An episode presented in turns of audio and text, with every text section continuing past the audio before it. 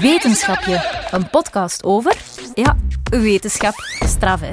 Over kleine en grote vragen van grote en kleine denkers.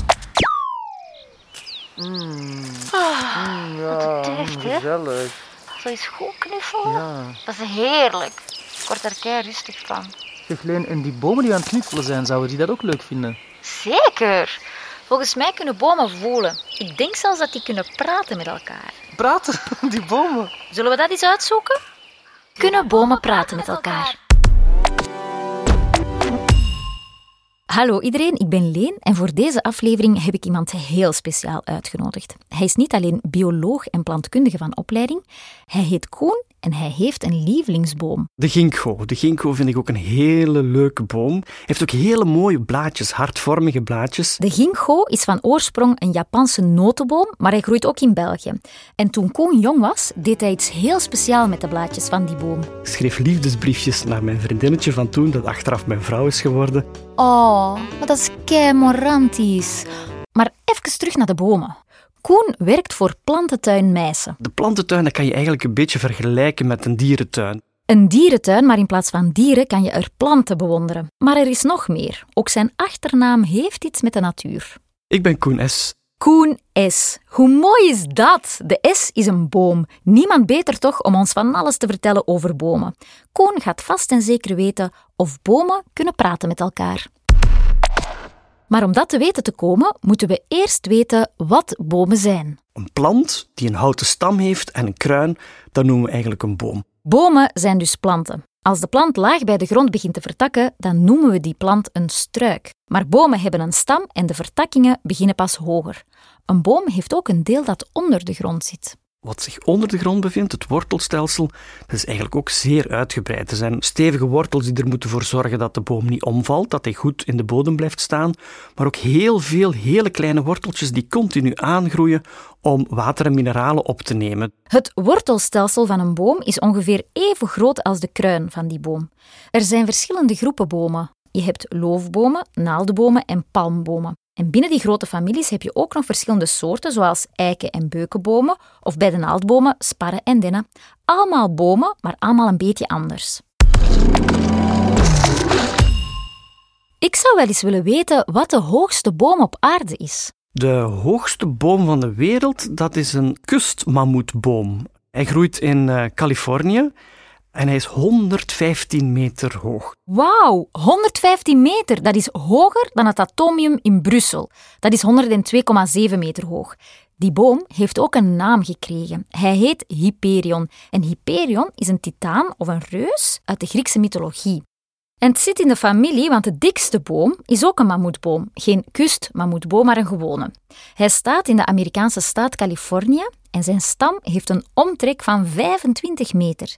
Om deze boom te knuffelen zijn er 14 paar volwassen armen nodig. Hij heeft een voornaam gekregen, ze noemen hem de generaal Sherman. 2000 ton weegt hij, dus hij is enorm, enorm dik. 2000 ton! Een olifant weegt ongeveer 5 ton, dus die boom weegt evenveel als 400 olifanten. Zoot! Op de aarde is er geen enkel ander wezen dat meer weegt dan die boom. Zelfs de dino's vroeger waren niet zo zwaar. De generaal Sherman is dan ook al 2000 jaar oud. Wat is de alleroudste boom die nu nog in leven is? Dat is een Noorse spar die in Zweden groeit en die is 9500 jaar oud.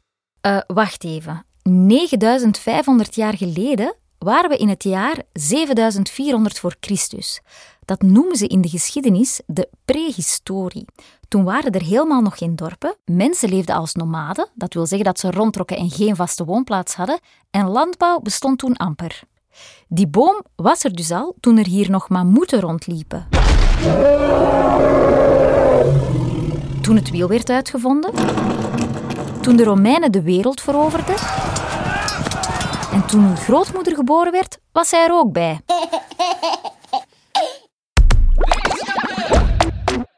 We weten al dat de boom een plant is met een stam, een kruin en wortels onder de grond. Dat er verschillende soorten bomen zijn en dat de oudste boom 9500 jaar is en in Zweden staat.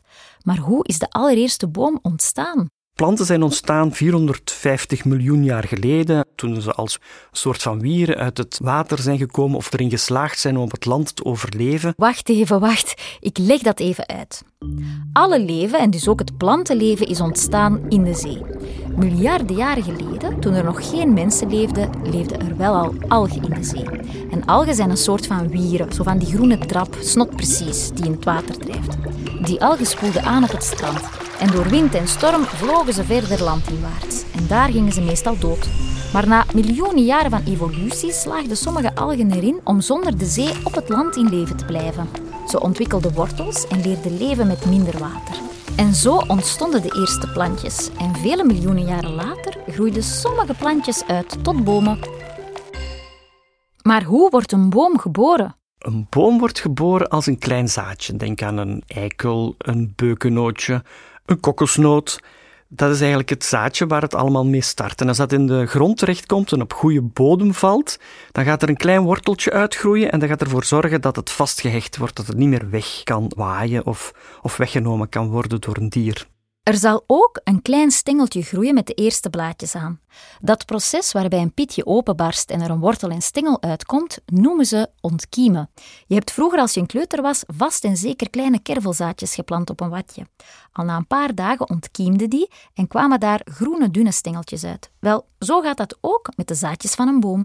Na vele jaren wordt hij alsmaar hoger en ook dikker. En hij groeit aan zijn uiteinde, dus aan zijn top, aan het uiteinde van de takken, vertakt hij meer en wordt hij eigenlijk zo altijd maar groter. En hetzelfde gebeurt onder de grond, dus worden de wortels eigenlijk ook altijd maar groter. Dus elk jaar wordt een boom dikker. Hoe gaat dat precies? Elk jaar in de lente, helemaal aan de buitenkant van de boom, gaat er een nieuw laagje cellen gevormd worden om water te kunnen transporteren van de wortels naar de blaadjes en omgekeerd.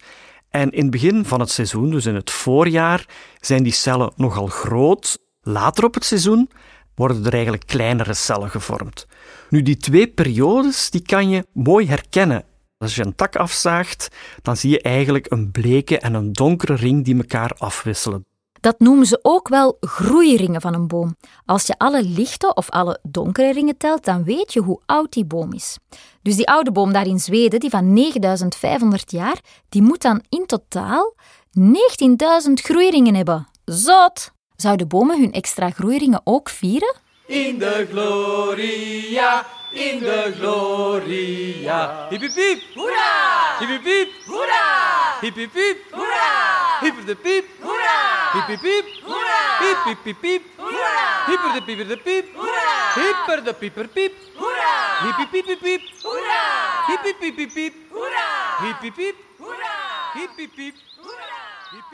En kunnen bomen ook doodgaan? Hij kan omwaaien en daardoor kan het, kan het gedaan zijn.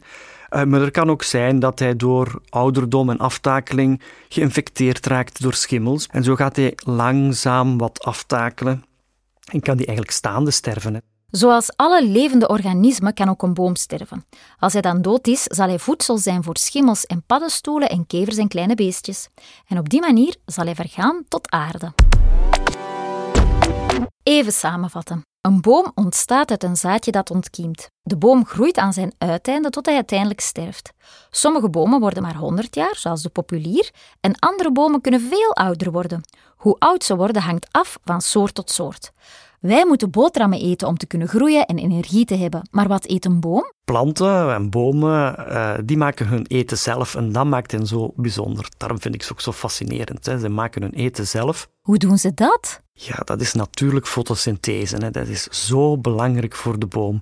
Fotosynthese is een heel moeilijk woord. Het is het proces waarbij een boom water en CO2 met de hulp van het zonlicht omzet in zuurstof en suiker.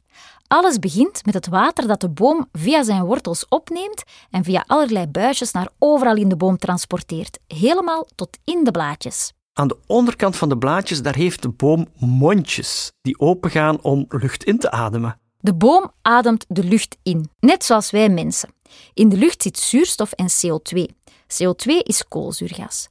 Wij mensen hebben zuurstof nodig om onze lichaamcellen te doen werken. Wel, een boom heeft CO2 nodig om te kunnen leven. Samen met dat water en dat koolzuurgas wordt er in die blaadjes, waar eigenlijk hele ingenieuze fabriekjes zitten, we noemen dat de bladgroenkorrels, daarin wordt dat water en die CO2 omgezet naar suiker Oh, wacht even, dat wil ik van dichtbij gaan bekijken. Bram, zeg, stuur mij maar naar zo'n blaadje, hè.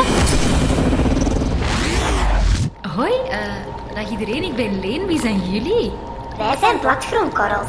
Wij halen energie uit de zon en wij zetten CO2 en water om naar glucose en zuurstof. Oh, maar zeg, en hoe gaat dat dan? Wel, hier in onze boom zit er een heel stelsel van buisjes. En kijk eens, hier, via deze buisjes krijgen wij water toe dat de wortels hebben opgezogen. En onderaan het blaadje zijn er superveel huidmondjes. En die kunnen open en dicht gaan. En die ademen lucht in, die ook nog bij ons komt.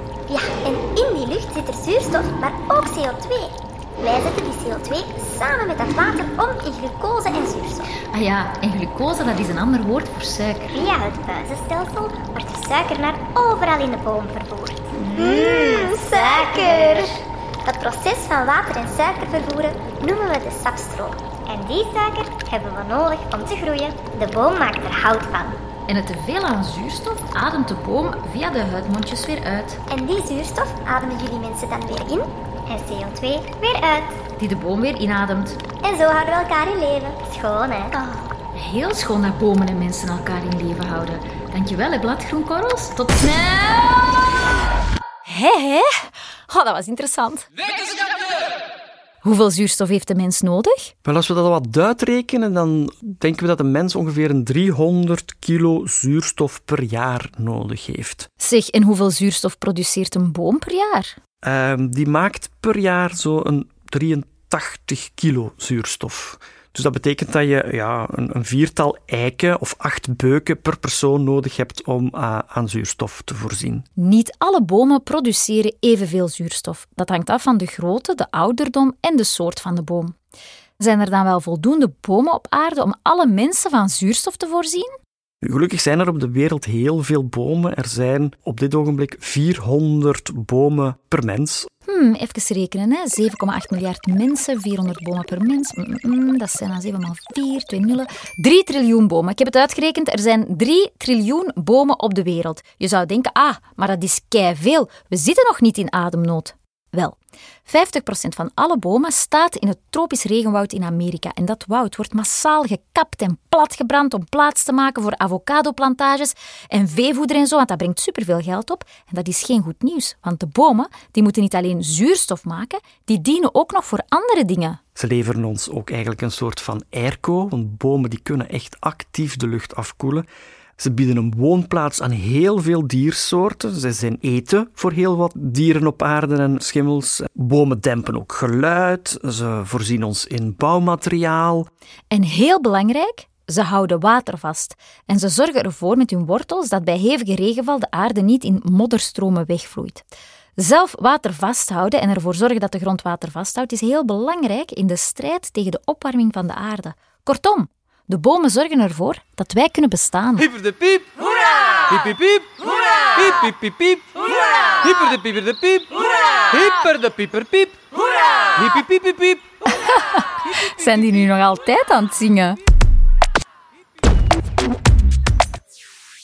Oké, even terug naar de blaadjes van de bomen. Die zien er niet het hele jaar door groen uit. In de herfst worden ze geel, oranje en bruin en vallen ze af. Hoe komt dat?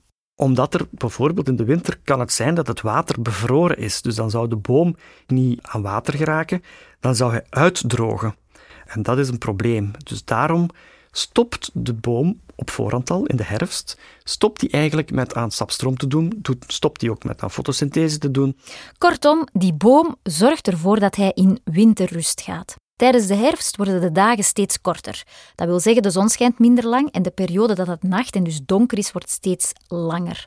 De boom voelt dat. Hij haalt te weinig energie uit de zon om zijn bladgroenkorrels te laten werken en hierdoor weet de boom, het is zover, wordt winter en hij zal zijn blaadjes afwerpen. Maar hoe gaat dat proces? Dat is een heel actief proces. Er gaat eigenlijk tussen het bladsteeltje en het twijgje gaat er een kurklaagje groeien. En dat kurklaagje gaat eigenlijk het blaadje wegduwen. Voor de boom dat doet, haalt hij eerst alle bladgroenkorrels en suiker uit de blaadjes. Hij slaat die op in de takken en de stam om energie te hebben om de winter door te komen. De blaadjes worden dus geel, oranje en bruin en dan werpt de boom ze af. De wind en de regen helpen daarbij. We weten al dat de boom zijn eigen eten maakt. Dat hij van water, zonlicht en CO2 suiker en zuurstof maakt. Dat proces heet fotosynthese en hij doet ook aan sapstroom. We weten ook dat de boom in de winter in rust gaat, omdat de kans bestaat dat hij anders niet voldoende water heeft en uitdroogt. Maar als wij een boom knuffelen, voelt hij dat dan? Helemaal op dezelfde manier voelen als wij, dat is natuurlijk moeilijk om zo direct ja op te zeggen. Maar bomen die zijn zich bewust van hun omgeving en die, uh, die doen er van alles mee. Dat begrijp ik niet zo goed. Heb je daar een voorbeeld van? Een ree die aan een takje knabbelt, kan een boom waarnemen en hij gaat dan eigenlijk een soort van chemische producten produceren om wat bitterder te smaken. Hij voelt het verschil tussen het speeksel van die ree die aan dat takje geknabbeld heeft, dan dat een takje zou afgebroken zijn door de wind. Hij produceert dan bittere stoffen, zodat de ree die blaadjes niet meer lekker vindt. Oké, en als hij dan kan voelen, kan hij ook praten? Kunnen bomen praten met elkaar? Ja, communiceren in elk geval. Praten niet met de mond zoals wij dat doen, maar ze communiceren met elkaar via hun wortels. Dat is superzot. De wortels van bomen zijn onderling verbonden met elkaar door schimmeldraden. Via die schimmeldraden worden stoffen en signaalstoffen van de ene boom naar de andere boom doorgegeven. Het contact dat de bomen met elkaar maken via hun wortels, dat noemen we het Wood Wide Web. En zo waarschuwen ze dus elkaar voor knabbelende hertjes. Uh, ze geven ook stofjes door aan elkaar. Uh, sommige bomen groeien zo fel in de schaduw dat ze niet goed aan fotosynthese kunnen doen. Dus de ene boom geeft al wat suiker door aan de andere boom, enzovoort. Maar die wetenschap van dat communiceren staat nog zo erg in zijn kinderschoenen dat we zeker en vast nog meer dingen in de toekomst gaan ontdekken van wat bomen nu echt aan elkaar doorgeven en wat ze aan elkaar vertellen. Maar dat is fantastisch. Die bomen die kunnen gewoon communiceren met elkaar. Dank u wel, Koen, voor deze geweldige uitleg. Oh, heerlijk. Dus die bomen die zijn verbonden met hun wortels met elkaar en dan zeggen die van alles. Oh, wat zouden die zeggen? Hey, hallo, hoe gaat het? Ja, met mij gaat het heel goed. Ik groei al heel de dag. dat moet geweldig zijn. Zeg, Bram, wist jij dat? Dat is toch geweldig? Ja, Leen, maar we zijn nogal een boom aan het opzetten. Als je even stopt met praten, kan ik de eindjingle starten. Ja.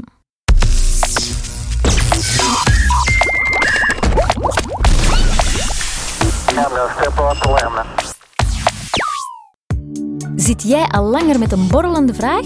Stel ze gerust aan leen.geluidshuis.be. Wie weet maak ik er wel een heel wetenschapje van.